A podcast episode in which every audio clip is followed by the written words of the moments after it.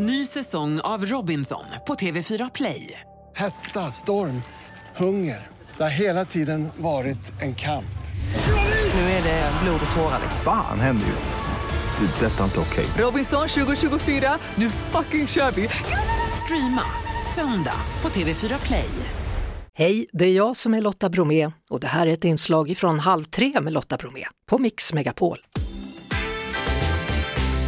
Det är säkert många som de senaste veckorna följt händelserna kring den försvunna Tove, 21 år, en berättelse som startade som människorov men efter att man hittat Toves kropp nu rubriceras som mord. Katrin Krantz är Expressens utsända på plats i Vetlanda. Välkommen till Halv tre. Tack. Hur är stämningen i Vetlanda? Jo, men det är, Vetlanda är en liten stad och alla är fortfarande väldigt påverkade av det som har hänt och vi pratar med väldigt många personer här som det kan vara folk som är nära och folk som är, är längre bort men alla har ju på något sätt någon koppling och, och eh, är väldigt engagerade i det som har hänt och väldigt påverkade av det. Det är fortfarande väldigt mycket blommor på den här minnesplatsen vid eh, torget i Vetlanda. Tove blev alltså 21 år och då misstänks två av hennes kompisar, vänner, frågetecken, två unga kvinnor i vilket fall 18 respektive 20 år. Ja, det stämmer. Och båda de här kvinnorna häktades ju igår i Eksjö tingsrätt och då häktades de ju just för de här mordmisstankarna då. De har ju tidigare suttit häktade misstänkta för människorov. Så att nu sitter de häktade fram till den 15 december och det är inte så att utredningen kommer att vara klar då men det ju, ger ju ett visst lugn åt utredarna såklart och polisen att fortsätta och det är ganska mycket kvar, det är mycket som återstår i den här utredningen. Och man ska också tänka på att båda kvinnorna nekar till brott. Ja, de gör det. Ja, det gör de. De, eh, de nekar till alla de här brottsmisstankarna. Det gäller ju både mord, gravfridsbrott och eh, människorov. Så hur långt har polisen kommit i utredningen skulle du säga? Jo, men de har nog kommit ganska långt ändå. De säger att de har en ganska bra bild av vad som har hänt den här natten. Och det har också kommit ett preliminär, en preliminär obduktionsrapport som har styrkt de här mordmisstankarna.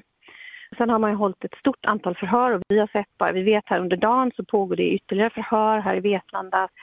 Sen väntar man ju in resultat från olika tekniska undersökningar och ett fullständigt obduktionsprotokoll och så. så att det, det, är mycket som återstår men de, de verkar, när vi pratar med polis och åklagare så säger de att de, de tycker att de har, de har en ganska bra bild av vad som har hänt.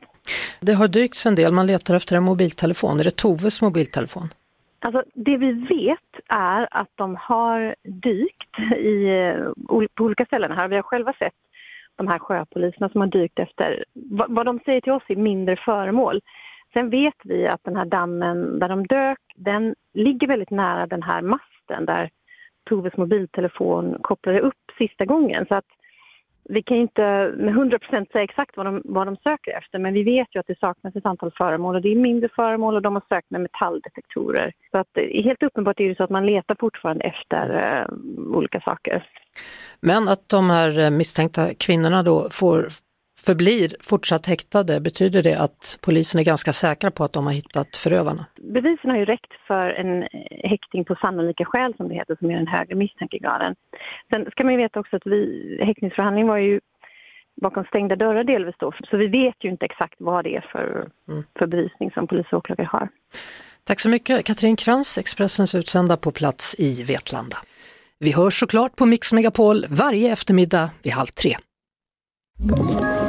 Ett poddtips från Podplay. I fallen jag aldrig glömmer djupdyker Hasse Aro i arbetet bakom några av Sveriges mest uppseendeväckande brottsutredningar. Går vi in med hemlig telefonavlyssning och, och då upplever vi att vi får en total förändring av hans beteende. Vad är det som händer nu? Vem är det som läcker? Och så säger han att jag är kriminell, jag har varit kriminell i hela mitt liv men att mörda ett barn, där går min gräns. Nya säsongen av Fallen jag aldrig glömmer på Podplay.